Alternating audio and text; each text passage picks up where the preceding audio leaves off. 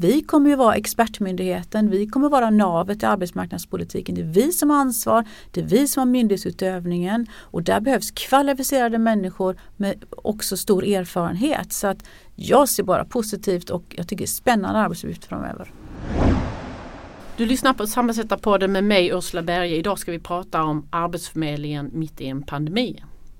You all come to us young people for hope.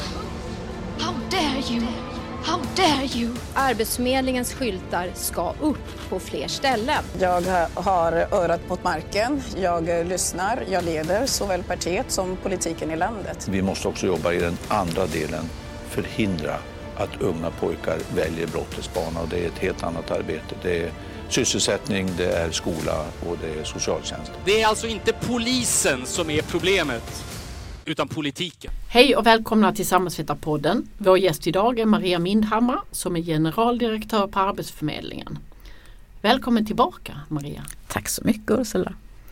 Du var ju här för ungefär ett år sedan och då var du rätt ny som GD. Nu tänker vi att du är lite varm i kläderna.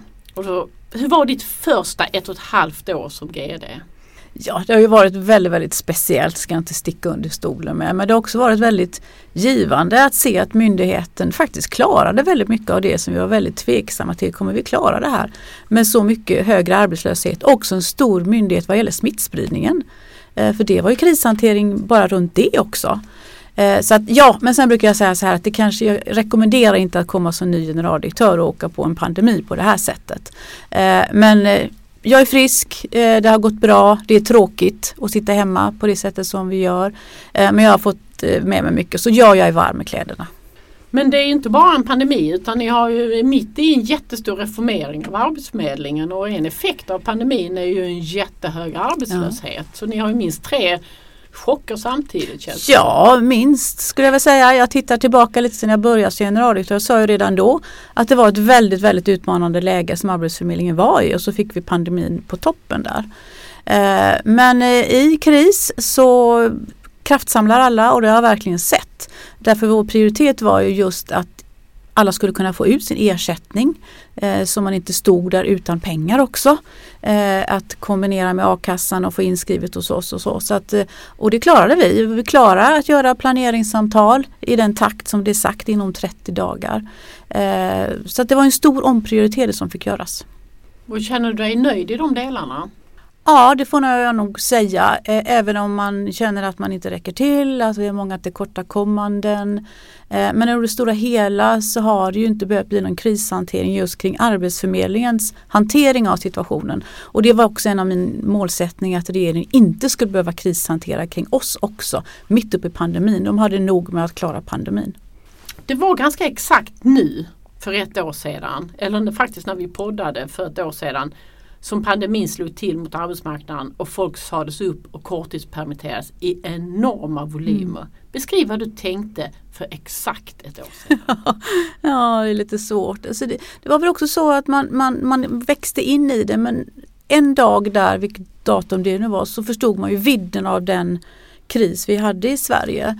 Eh, och då var det faktiskt bara att prioritera och prioritera. Eh, och få med sig medarbetarna, dels till att kunna börja jobba mer hemifrån. Vi hade ju inte ens systemstöd så att alla kunde jobba hemifrån. Den delen och så prioritera om arbetsuppgifterna. Eh, så det var bara att kavla upp ärmarna. Det fanns liksom ingen återvändo och det var väldigt skönt att känna den responsen. Och vad tänkte du när varselsiffrorna skenade iväg? Ja, men jag tänkte också mycket på att det här är ju inte en ekonomisk kris. Det här är en hälsokris som vi inte kände till hur, hur den skulle utvecklas. Att det var ju väldigt stor osäkerhet i det också. Men det är klart en stor oro, eh, inte bara för Arbetsförmedlingen utan för hela landet och hela världen. Och eh, naturligtvis privat på det. Man är inte mer än människa. Så det kan jag väl inte sticka under stol med att det varit ett eh, arbetsamt år. Någon gång i, efter sommaren förra året så poddade jag med din analyschef Annika Sundén. Mm. Då sa hon att vi, vi, toppen kommer att vara i mars 2021 mm. och sen kommer vi att se att det, det börjar vända. Nu är mm. vi i mars 2021. Mm. Ha, var är vi nu? Är vi på toppen? Kommer det vända nu? Det är det som är så svårt förutsägbart. Vi brukar ju prata om att vi kan inte ens ha prognoser utan vi pratar om att vi har bedömningar. Eh, vad vi har sett de senaste veckorna är ju faktiskt att det går fler ut i jobb än det kommer in nyinskrivna till Arbetsförmedlingen, vilket är väldigt positivt. Samtidigt ser vi att långtidsarbetslösheten ökar. Den var redan hög in i förra året eh, och nu är vi uppe i 180 000 och vi ser att vi har 100 000 som är mellan 6 och 12 månader som rätt så, ligger rätt så nära till att gå över i långtidsarbetslöshet. Och det oroar oss eh, på många sätt. Eh, det är svårt att säga om det är toppen nu. Eh, utan vi får väl se när vaccinationen kommer igång mer. Tyvärr hör vi att det är lite leveransproblem och annat. Det beror väldigt mycket på vaccinationen. Och jag läste, det kom en prognos i måndags eller en siffra i måndags från er att 447 000 är arbetslösa, mm. 8,6 procent. Det är ändå lite lägre än för några, någon månad sedan. Ja men så är det. Eh, och då har vi sagt att vi kommer med en utgiftsprognos i april att då ska vi titta på siffrorna igen och se om vi kan göra en ny bedömning av situationen för då kanske vi har lite mer information än vad vi hade då när vi satte de, den, de siffrorna som vi satte senast. Då. Och du nämner det här med långtidsarbetslösheten och vi tittar mycket på långtidsarbetslösheten för akademiker, mm. att vi är ett akademikerförbund. Och akademiker är väldigt gynnade på arbetsmarknaden generellt mm. sett ju, och har väldigt låg långtidsarbetslöshet. Men nu börjar ju de akademiker som blir arbetslösa i mars-april att faktiskt ha varit arbetslösa i ett år. Mm. Vad tänker du runt dem? In i förra året så hade vi ungefär 75 procent av de som inskrivna hos oss som vi säger har en lägre konkurrenskraft. Eh, det kan vara att man inte har gymnasieutbildning, att man är utrikesfödd, funktionsnedsatt eller att man är arbetslös och är lite äldre. Eh, det var ju, men nu kan vi se att nu är vi nere på 70 procent. Så det innebär att det är en annan konstellation som har kommit in till Arbetsförmedlingen. Eh, och vi ser ju att det är fler med gymnasieutbildning som hamnar hos oss. Förut har vi sagt och säger fortfarande att det är en vattendelare att ha, att ha gymnasieutbildning eller inte. Och vi kan precis som du ser säga, se att en del akademiker hamnar hos oss nu också och är på väg in i långtidsarbetslöshet. Det är naturligtvis oroande. Samtidigt så måste man ju se att snart kanske ekonomin kommer igång igen. Och det är ju de personerna som kommer först ut på arbetsmarknaden. Det är ju ännu tuffare för dem som var långt efter tidigare och nu hamnar ännu längre bak i kön för att få ett jobb. Men vi ser att det är viktigt när man tänker på akademisk karriär också att, att det finns arbetstillfällen. Alltså att man och nu är det ju, man ska ju välja till högskolan nu, så vi uppmanar alla ungdomar att tänka igenom vad finns arbeten framöver, att det är viktigt. Eh, men visst, vi ser att det är en annan konstellation och det måste vi fortsätta jobba med. Och eh, som akademiker har man ju en kunskap som kanske är en färskvara. Mm. Så är man ifrån arbetslivet för länge så kanske man inte är så gångbar efter ett tag. Jag brukar säga att det finns alltid vägar in på arbetsmarknaden men det gäller ju att hela tiden kompetensutveckla sig, titta vad kan jag göra för att bli mer attraktiv och inte minst i den här digitala världen och när vi har stor strukturomvandling att man har uppdaterat kring digitala kunskaper. Att man känner att man är anställningsbar och där har vi ju alla ett ansvar. Jag brukar säga att Arbetsförmedlingen ska stötta, eh, utbildningsväsendet ska stötta men det är individen som måste se över sin egen situation och göra allt den kan för att vara anställningsbar framöver. En sista eh, tanke runt det här med hur det ser ut framöver. Jag tittar på den statistik ni kom med vad det gäller, eh, i måndags tror jag, vad det gäller varsel. Och då mm. går de ju, är de ju snart nere på en normal nivå. Alltså mm. med väldigt låga mm. varsel. Alltså, mm. Är det ni som ska börja skicka signaler om att, att vi ser ljuset i tunneln? Nej, man kan ju inte säga ljuset i tunneln när man har 180 000 som är långtidsarbetslösa och många på väg in för då är det oroande.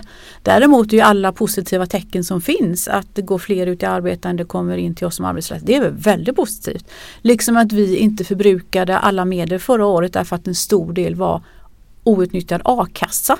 Det är ju väldigt positivt att vi inte behövde använda så mycket a-kassa som vi hade prognostiserat. Eh, men vi vet ju också att eh, regeringens insatser eh, i korttidspermitteringsbidrag och så att det kommer upphöra någon gång och då vet vi inte riktigt effekten av det. För just nu väntar ju företagen för att se vad är nästa steg. Jag tänkte vi skulle gå in på, på en tjänst som ni har och som, som har vuxit fram eh, på kort tid och det är ju det som heter matchningstjänster. Mm. Det som, som reglerades i januariavtalet att det var mm. väldigt viktigt att, att eh, man hade en LOV-baserad tjänst med fristående aktörer som mm. kunde stödja och matcha arbetssökande till, till nästa jobb. Och i april förra året körde ni igång i 32 kommuner och nyligen har ni beslutat att skala upp det ganska rejält. Vad tänker du runt det jobbet ni har gjort med den här som ibland kallas KROM, kundval, rusta och matcha. Hur det har funkat det här första året? Mm. Man ska väl vara tydlig och säga att vi har haft matchningstjänster i många år. Det, det, är ju någonting som Arbetsförmedlingen har arbetat fram ihop med de regeringar som har varit under den tiden. Eh, som vi har god erfarenhet av eh, och nyttjat. Så att vi hade ju med oss stor erfarenhet i bagaget. Eh, vad som nu är nytt det är ju ersättningssystemet, eh, att man får mer ersättning när man har levererat, att någon går till arbete till exempel.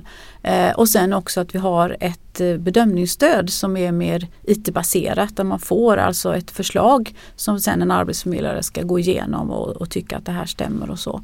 Det är ju det som är det nya.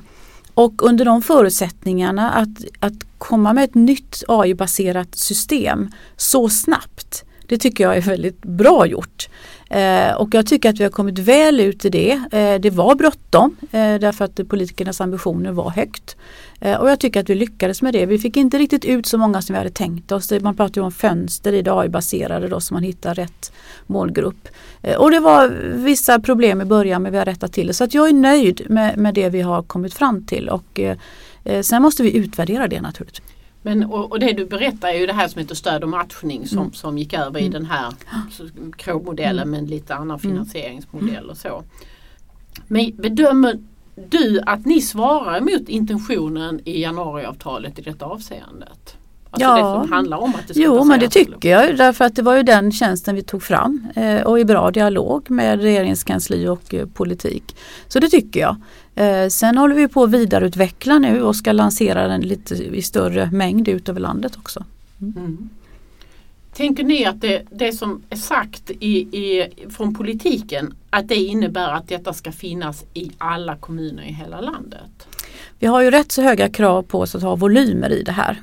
volymer därför att politiken har bestämt sig för att det är det här man tror på, det här man vill. Men också för att vi ska kunna utvärdera tillsammans med IFAU så måste vi ha volymer. Eh, och då måste vi ha underlag för att kunna få upp volymerna. Eh, och då behöver vi hela Sverige för att, att göra det. Sen får vi se, det är en marknad.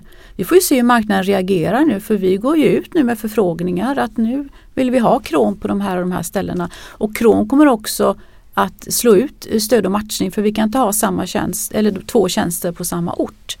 Eh, så det får vi se om vi får fristående aktörer på alla orter. Men vår tanken är att ha det rikstäckande. Det har vi också med likvärdig service till våra arbetslösa. Och det är tre etapper det ska byggas ut i, mm. i maj, i september och i december i mm. år. Sen ska ni täcka hela Sverige. Ja. Vad gör ni med de vita fläckarna? Ja, förhoppningsvis blir det inga vita fläckar. Eh, sen får vi också se i pandemin så har vi jobbat mycket med digitala lösningar. Eh, Därför smittspridningssituationen har sett ut som den gör och det måste vi också titta på framöver. Vad blir den mest effektiva och bästa tjänsten? Och där har vi inte landat ännu. Eh, men det blir ju inga vita fläckar till slut därför att Arbetsförmedlingen finns ju och kommer att täcka upp i så fall. Vad vi vet är att förmedlingsinsatser är viktigt för alla arbetslösa, att det är aktivitet. Eller de arbetslösa som vi känner när det inte gäller utbildning utan det är stöd och matchning, eller matchningstjänst som behövs då. Eh, det vet vi, förmedlingsverksamhet och det kan vara Arbetsförmedlingen, det kan vara en fristående aktör så att vi kommer ju finnas där. Så några vita fläckar blir det ju inte. Men jag förstår din fråga, vita fläckar, inga fristående aktörer. Och det har ju varit en stor debatt. ja, som jag tycker inte är lika stor längre faktiskt. Nej. Eh, men vi får väl se. Och nu kanske jag tog en fråga här på volley men det var en statlig utredning som lade ett förslag förra året att kommunerna skulle kunna vara aktörer här. Mm. Eh, nu har inte den frågan landat. Jag tror det har varit remiss på den men det har inte landat i, i Nej, något konkret Men förslag. Eh, remissen kom ju fram till att en kommun i sig kan vara en fristående aktör och i vårt remissvar så höll vi med om det. Att det kan de vara. Eh, vi har några ansökningar inne hos oss eh, där vi har någon kommun som än så länge inte har fått godkänt av oss att bli fristående aktör därför man behöver, det finns vissa delar som man behöver uppfylla bättre. Vi har väldigt höga krav för att komma in i, i den här kromtjänsten som leverantör. Det är också en skillnad mot stomleverantörer att det är högre krav då. Eh, så får vi se om just den kommunen och de kommunerna som ligger på kö om de kommer att kunna uppfylla det här. Men, men rent principiellt så har vi inget emot att kommuner går in som fristående aktörer. Mm. Om man brutalt ska sammanfatta den utredningen så var det väl att de tyckte att lagstiftningen redan idag gav den möjligheten men ja. att man kunde tydliggöra det. Så är ju deras eh, förslag då så får vi se hur politiken reagerar på det sen i slutändan. Då. Ja i så fall, om att kommuner finns i hela landet så blir det ju per definition i och för sig inga vita fläckar om kommunen söker. Så är det men man ska också komma ihåg och som jag inte riktigt eh, riktigt övertygad om att kommunerna har förstått är att är man fristående leverantör då ska man också ta emot arbetslösa runt om i de områdena som just den här tjänsten omfattar och det är inte bara ens egen kommun. Eh, och eh, det kanske inte alltid är de som står längst ifrån arbetsmarknaden som blir aktuella för en sån kromtjänst. Så att det gäller nog för kommunen att tänka igenom och där har vi en bra dialog med SKR eh, och med politiken kring så att vi hamnar rätt i, i de olika delarna. Och en kommun får ju inte i enlighet med kommunallagen leverera någonting utanför sin egen kommun. Nej, det där kan, kan ju vara ett juridiskt dilemma. Jag som jurist, eh, det är ingenting som Arbetsförmedlingen tar hänsyn eller prövar utan nu vet vi att det finns ett fall i någon förvaltningsrätt någonstans. Eh, och då får det prövas i den ordningen då. Eh, för att det är ju en annan del och då kan det ju vara så att man kommer fram till att det inte fungerar och då är det ju den lagstiftningen som slår till. Tänkte ni med stöd på av då vad som politikerna sa kopplat till januariavtalet att, att för att detta verkligen ska fungera det här med krom så måste det finnas i alla Sveriges kommuner? Tänkte ni så? Nej det kan jag inte påstå att, att vi gjorde. Men det men, blir bättre? Eller? Ja, alltså vi pratar om likvärdigheten så blir det ju bättre eh, och det tror vi ju på. Eh, men som sagt forskningen är ju inte entydig på att just fristående aktörer förmedlingstjänster är så mycket bättre än eh, det offentliga. Det är snarare lite tvärtom men det är väldigt marginellt. Man har inte kommit egentligen till någon större slutsats. Eh, och eftersom vi finns och kommer att utföra våra tjänster så har vi inte känt någon större oro faktiskt. Utan vi har man pratar ju om att reformeringen ska ske ordnat och successivt och, och så tänker jag att jag måste med, tillsammans med min ledningsgrupp och styrelse leda Arbetsförmedlingen också.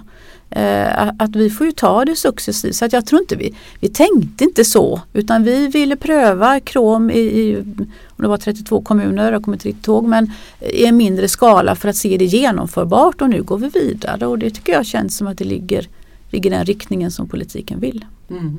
Och när du nämnde forskningen så blir det en så snygg radioövergång mm. till, till det Gav jag dig den nu kanske? Du, gav mig den, ja. Den 15 april ska IFAU eh, mm. som har fått uppdrag, eh, Institutet för arbetsmarknad och eh, utbildningsutvärdering, mm. ja, vad, mm. något sånt där. Ja. Eh, ska ju komma med sitt forskningsresultat rörande sin analys av matchningstjänster. Mm. Vad förväntar du dig av den? Jag tycker att det är jättebra att, att det sker en genomlysning av den här tjänsten. Eh, sen är jag väl den första att erkänna att vi hade nog hoppats på lite fler antal eh, deltagare i tjänsten än vad vi har idag.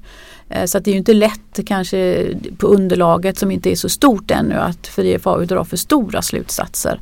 Eh, men det är väl bra att vi, vi för den här dialogen och att de objektivt tittar på det. Det är väldigt svårt att inifrån från en myndighet som Arbetsförmedlingen tycka om saker och ting utan det är bättre att någon kommer utifrån och tycker till. Eh, och jag hoppas att politiken lyssnar på IFAU också med de resultaten. Men sen är det väl en del och sen får de komma med ytterligare genomlysningar tillsammans med oss för vi gör det i samarbete också. Och jag kan ju säga det som samhällsvetare att det där med samhällsvetenskaplig forskning är ju svårt. För mm. man måste ju hitta tvillingar att jämföra ja, med. det är jättesvårt.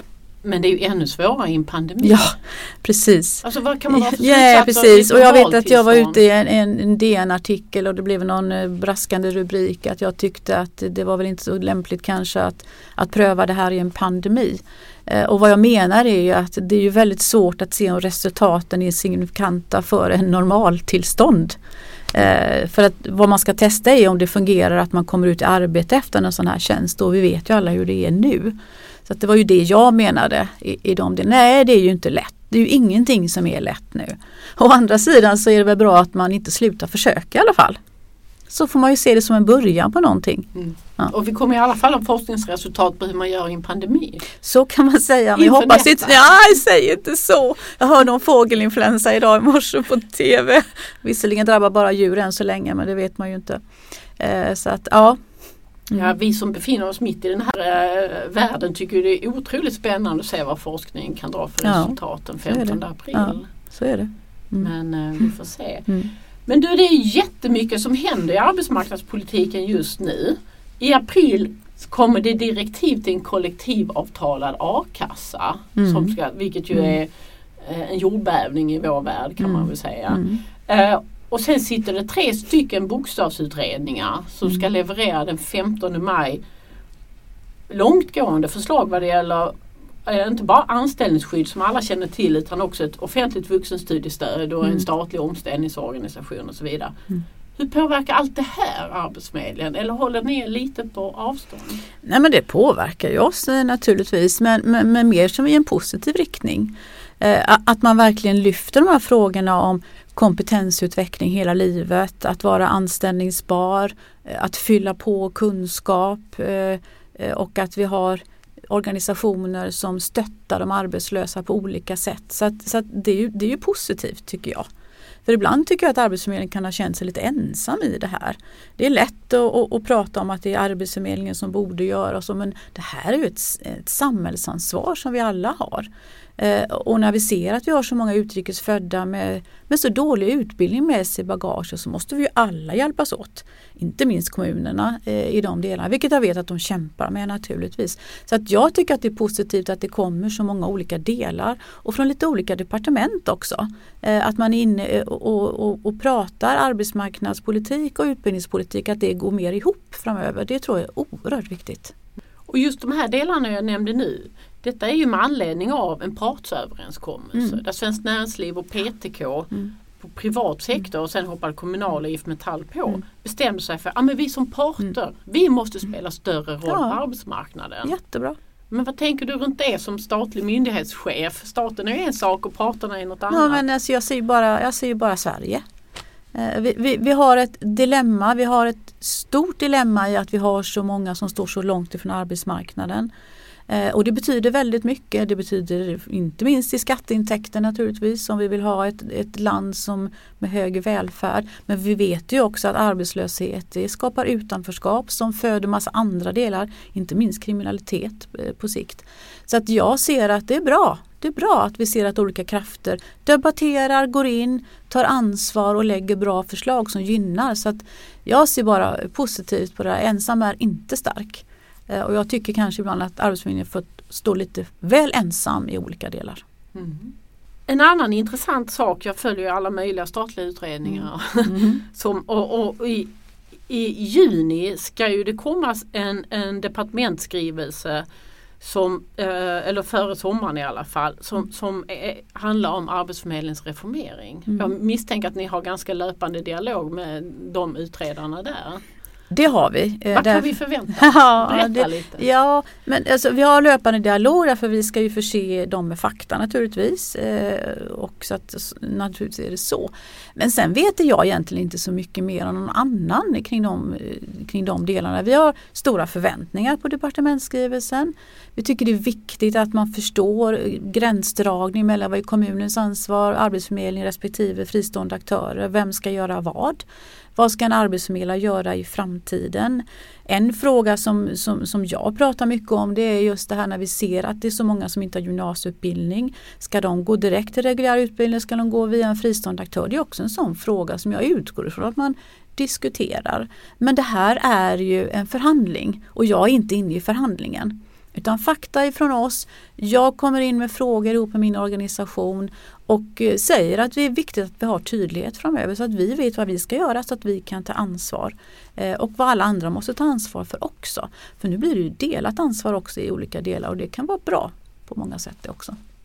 Och hur ska skärningslinjen ansvarsmässigt se ut mellan Arbetsförmedlingen och kommunerna? Ja, det är ju det vi diskuterar naturligtvis.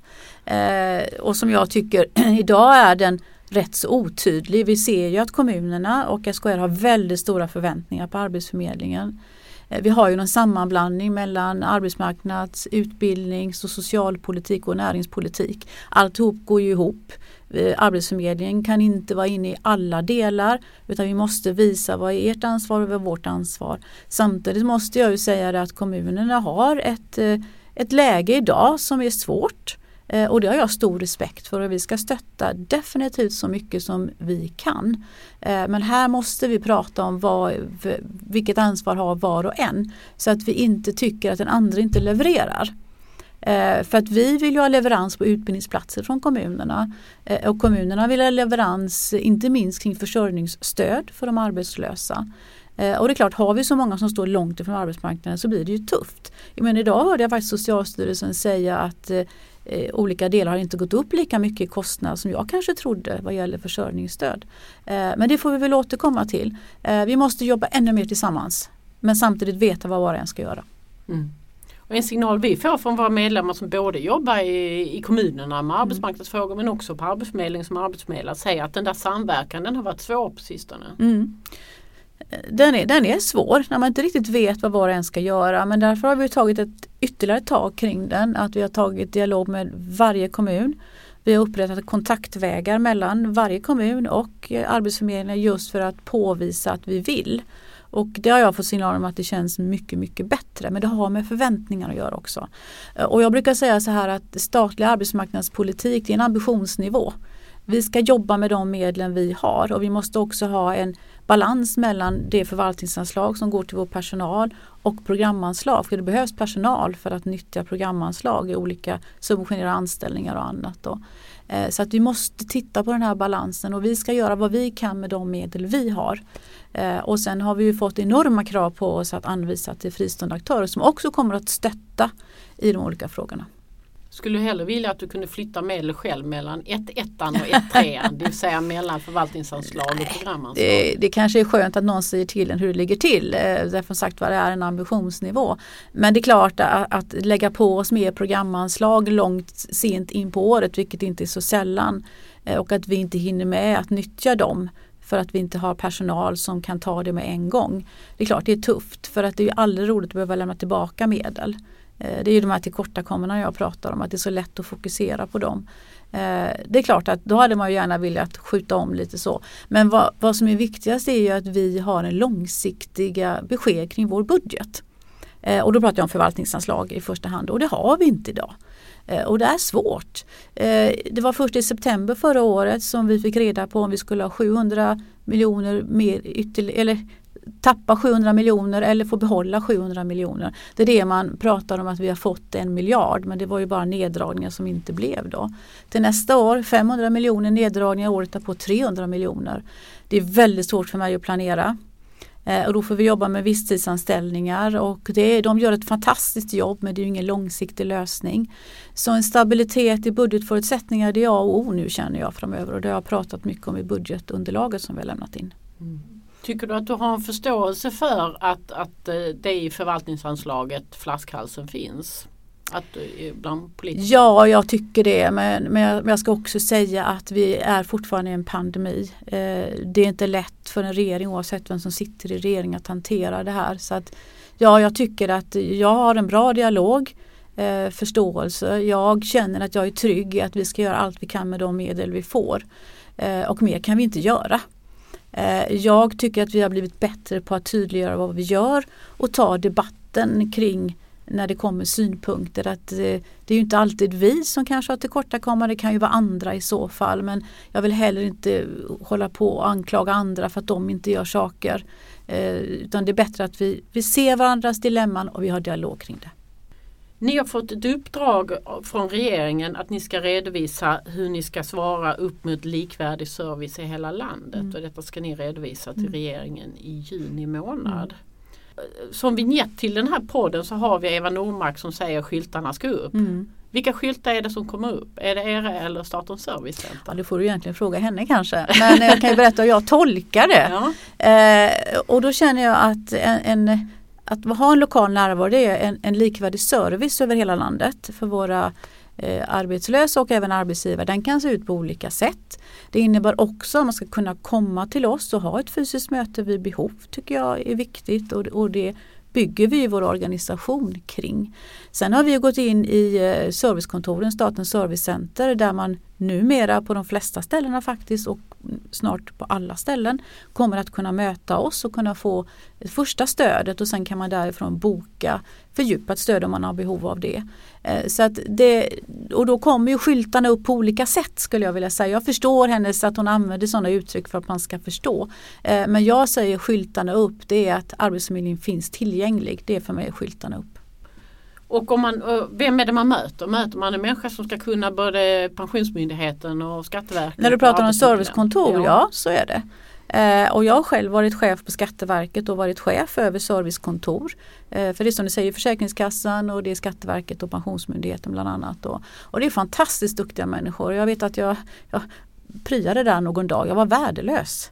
För det var, de, var, de var så vansinnigt duktiga att ställa de där eh, nästa fråga för att förstå vad är det egentligen du behöver. Frågan behöver inte vara det rätta den här personen behöver utan guida dem så att de är väldigt professionella. Och sen har vi ju backoffice som det heter, att man kan, de kan ringa till oss och så. så att de signaler jag har fått är att det fungerar väldigt väl och det är väldigt roligt för då finns vi ju på ännu fler ställen i landet. Vi är faktiskt den myndighet som fortfarande finns på de flesta ställen i landet om man jämför med andra myndigheter.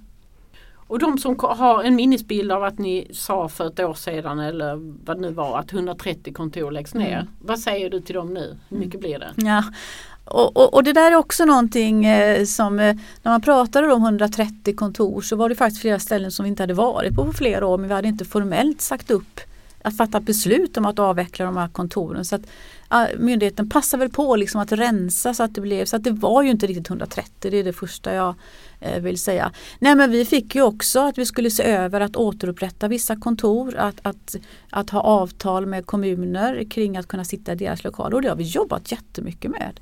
Så att vi har olika sorters kontor, egna kontor. Eh, vi finns, sitter ihop med kommunen och vi kan också vara och ta besök på servicekontor så att vi finns på lite olika sätt. Mm. Och vad står det i rapporten i juni? Vad är i en mening? Nej det kan inte jag svara på riktigt. Men vi har ju varit eh, transparenta med vår, vår strategi kring det och den följer ju vi. Så att det är inga konstigheter med det. Eh, utan vi har jobbat kontinuerligt med det vi sa från början vi skulle jobba med. Mm. Jag tänkte jag skulle fråga dig runt eh, arbetsförmedlarrollen och vi har ju tusentals medlemmar som är mm. just arbetsförmedlare. Mm. Och många av dem är utbildade samhällsvetare, beteendevetare, mm. personalvetare, socionomer och de ville jobba med människor mm. och, och, och människokännedom och så vidare. Och så är de nu i en situation med kundmöten på distans och det är en helt annan automatisering och digitalisering. Mm. Vad tänker du händer med arbetsförmedlarrollen i, i den här omstruktureringen? Mm. Nej, men först vill jag säga att arbetsförmedlarrollen är en fortsatt viktig roll. Det ser jag framöver också. Och människan försvinner ju inte. Det här mänskliga mötet kan ju ske på väldigt många olika sätt. Och sen har vi ju sagt att man ska kunna ha ett fysiskt möte vid behov eller distans personligt distansmöte då. Så att den professionen kommer ju finnas. Eh, sen är det ju att alla roller i samhället, vi går ju en st stor strukturomvandling, kunddrivet, vad det är man vill ha och den måste vi anpassa oss efter precis som alla andra. Och sen går vi mer också mot specialisering för jag tror att man, det är inte alltid så lätta frågor. Man behöver vara lite mer specialiserad på en viss kanske grupp av personer e-, eller tjänster på olika sätt och det ser vi precis som alla andra myndigheter. Men att det kommer att fortsätta vara en spännande och viktig arbetsuppgift att vara arbetsförmedlare framöver det är jag övertygad om. Är det andra kompetenser förutom att man ska kunna hantera en dator som jag förmodar att alla kan? Är det några andra kompetenser du ser är viktiga att ja, få till? Alltså det är klart, vi måste utöka vårt kontrollarbete så att det måste vi ju fylla på med den kompetensen. Eh, men jag brukar också säga så här att vi har ju väldigt bra bas på våra arbetsförmedlare och andra tjänster. Sen behöver vi fylla på i kompetensutveckla för att olika arbetsuppgifter och det är jag övertygad om att vi kommer att klara till väldigt stora delar inom myndigheten. Men vi har ju omsättning precis som alla andra, inte speciellt hög vilket jag tycker är positivt. Eh, för det har varit en oro hos mig eh, i de olika delarna när vi hade en stor omställning. Eh, och jag, övertyg, jag känner att jag inte är orolig för någon stor omställning framöver men man vet ju inte hur medarbetarna känner. Eh, så att vi har hög kompetens och vi kommer att satsa på kompetensutveckling. Så att det där är ingenting som jag oroar mig för eller tänker väldigt mycket på. Men däremot så tänker jag också på hur man känner som arbetsförmedlare. Just det här som du säger, det sociala engagemanget i, i de delarna. Men det kommer att finnas kvar. Mm. Men nu har jag aldrig jobbat som arbetsförmedlare så jag vet egentligen inte hur det är. Men man har ju lite bilden historiskt att det är en person som både har koll på vilka lediga jobb som finns och, Mm. och vilka som är arbetslösa och i huvudet på något sätt kan haka Mm. ihop de här personerna. Ja, men Pelle han kan nog funka där på den där byggfirman som saknar en person. Mm. Det där är historia eller? Alltså, alltså så utpräglat som du pratar om så är det ju historia. eh, Därför att nu har vi ju Platsbanken eh, och vi har ju också ett sätt att se på att arbetsgivaren ska kunna träffa den arbetslösa på via det digitala i Platsbanken. Att kunna lägga upp sin annons där och, och via den då få ansökningar. Så att det är ju liksom den nya generationens tänk i, i de delarna. Och, och vi måste ju få in AI, eh, titta på arbetsmarknadspolitisk bedömning, ett bedömningsstöd som har högre kvalitet än det vi har idag. För det banne mig inte lätt för en arbetsförmedlare alla de sakerna i huvudet. Det ska man inte behöva ha. Vi har alldeles för dåligt systemstöd och vi har inte AI inne tillräckligt mycket. Så att jag skulle nog vilja säga att det blir mer kvalificerade arbetsuppgifter och lättare och mer spännande och mer träffsäkert framöver. Så att jag, jag ser bara positivt på saker och ting. Men vi måste ju föra dialogen kring det. Och där är det ju viktigt, jag brukar ju säga det till politiken, jag pratar om departementsskrivelsen före sommaren, att man kan ju ta det här, lite, det är enkelt att förklara, vad ska en arbetsförmedlare göra framöver? Det är viktigt att vi sätter ner fötterna kring det snart.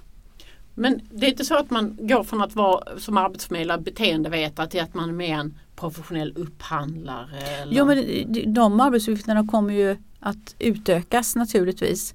Eh, och då kan man ju ha kompetensutveckling eller att vi måste rekrytera eh, olika kompetenser. Men det här kommer ju ske över tid och, och precis som politiken säger ordnat och successivt eh, i de delarna. Men jag tycker inte om man är arbetsförmedlare idag och trivs med ett arbete att man behöver vara orolig för att det inte kommer finnas kvar viktiga betydelsefulla arbetsuppgifter som stöttar de arbetslösa i Sverige framöver. Eh, det tycker inte jag man ska vara orolig för. Samtidigt så är det ju så att politiken har sagt att man tycker att det här systemet med fristående aktörer är någonting man tror på. Eh, Men vi kommer ju vara expertmyndigheten, vi kommer vara navet i arbetsmarknadspolitiken. Det är vi som har ansvar, det är vi som har myndighetsutövningen och där behövs kvalificerade människor med också stor erfarenhet. Så att jag ser bara positivt och jag tycker det är spännande arbetsuppgifter framöver. Gör dina medarbetare det också? Det är nog lite olika eh, men vad jag förstår så känner man nog väldigt stolthet över att Arbetsförmedlingen har klarat det så bra under det här året. Och att man också känner att vi behövs. Vi hör ju ministern stå och säga att Arbetsförmedlingen ska vara en stor, viktig och central myndighet framöver i arbetsmarknadspolitiken. Eh, och de skorna måste vi fylla och jag känner nog att de flesta känner att man vill vara med och fylla där. Mm. Och en viktig roll som, som Arbetsförmedlingen ska ha som alla tycker det är myndighetsutövningen. Mm. Om man då tänker att en arbetsförmedlare bedömer att Kalle här han är si och så svår att få ut på arbetsmarknaden. Han är värd pengen X. Mm.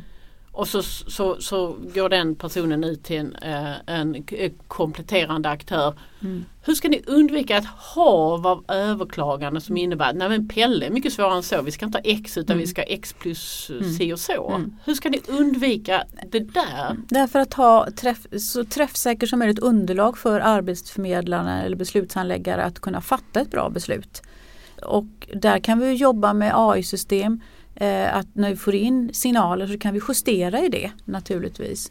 Men jag känner nog att, att vi arbetar tillsammans med de fristående aktörerna så jag tror att istället för ett överklagande så tror jag att man tar en dialog så att det blir bättre nästa gång i så fall. Men det där är ingenting som jag är orolig över heller och tänker så jättemycket på faktiskt. Nej, ja, men vad bra. Mm. Det var nog du som tänkte mycket på det.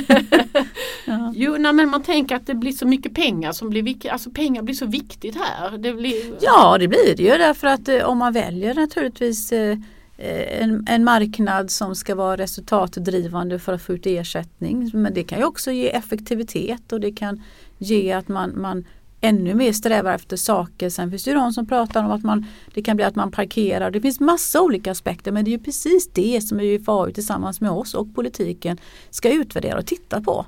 Nu prövar vi och vi tycker att det är spännande på många sätt och så får vi dra slutsatser. Och jag hoppas, precis som jag brukar stå för, att då får man väl ombestämma sig då, politiken, om inte det här faller väl ut. Mm. Samtidigt ska man komma ihåg att det är dålig timing att det är mitt i en pandemi. Mm, verkligen. Eh, förväntningarna på de arbetssökande. Alltså, nu, nu går vi ifrån att, att, eh, jag kanske hårdrar lite, men att det inte är individer som är arbetssökande utan man är en massa ärenden. Mm. Eh, och så ska det vara något som heter sömlösa flöden. Mm. Så, så, för den här enskilda arbetssökande kan man ju möta jättemånga olika personer i, i någon form av digitalt flöde. Alltså mm, fixar de arbetssökande detta? Alltså, generellt så tror jag, eller jag vet att det är det våra arbetslösa tycker är bra service. Att kunna klara sig själv, att ta ansvar och få stöttning på olika digitala sätt. Men samtidigt ha den här tryggheten att vi finns där och kan ta dialogen om det finns behov. Eh, vi ser ju att den digitala kompetensen eh, är ju låg i grupper som faktiskt inte finns hos oss. Det är ofta äldre personer och de har inte vi. Men visst är det så att vi alltid kommer att ha personer som inte kommer att klara av det här och då ska vi finnas där som ett stöd med ett fysiskt eh, möte eller ett personligt möte på distans. Så att eh, ja, vi får ju pröva oss fram. Samtidigt har vi krav eh, på oss från regeringen. Det är de som har lanserat digitalt först det tänket, den inriktningen just för att det är kunden som kräver det. Och man tittar ju på det globala, vad som händer och strukturomvandlingen. Och sen har vi också slutsatsen att för att vara anställningsbar så måste du ha relativt hög digital kompetens. Eh, det är också viktigt för en myndighet att anamma det eh, och ställa de kraven i de olika delarna men ändå finnas där om det inte räcker. Men jag tänker det här att, att bli arbetslös det innebär ju inte bara att man har blivit av med jobbet utan det innebär antagligen en massa andra stresspåslag eh, mm. av olika slag. Mm. Och att man samtidigt ska vara den här perfekta beställaren. Man ska kunna bedöma vilken extern leverantör som har högst rating och du ska mm. processleda din egen arbetslöshet.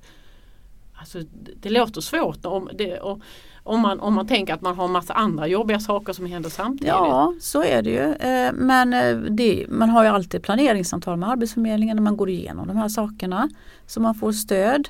Eh, där man kan lägga upp en plan att det här tycker vi med din bakgrund att du behöver satsa på att göra.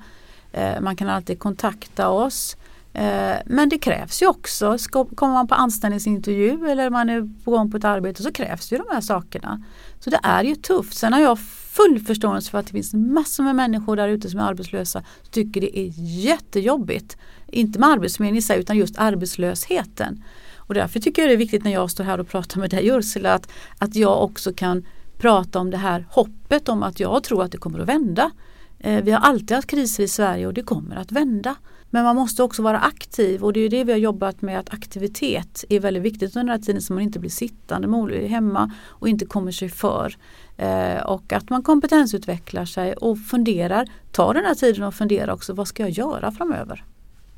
Och en som vi tycker väldigt viktig och intressant sak det är ju det här som många pratar om. Vi ska ha in mer utbildningspolitik i arbetsmarknadspolitiken och vice versa. Och då fattade ju regeringen beslut i november förra året, eller det trädde i kraft, att, man, att ni ska kunna anvisa till reguljär utbildning. Mm. Och det är ju lite nytt grepp. Nu är det inte den vanliga verktygslådan ni har mm. utan lite till. Vad tänker du runt den här möjligheten att anvisa som en del av er verktygslåda? Mm. Jo, men generellt tycker jag att det är bra.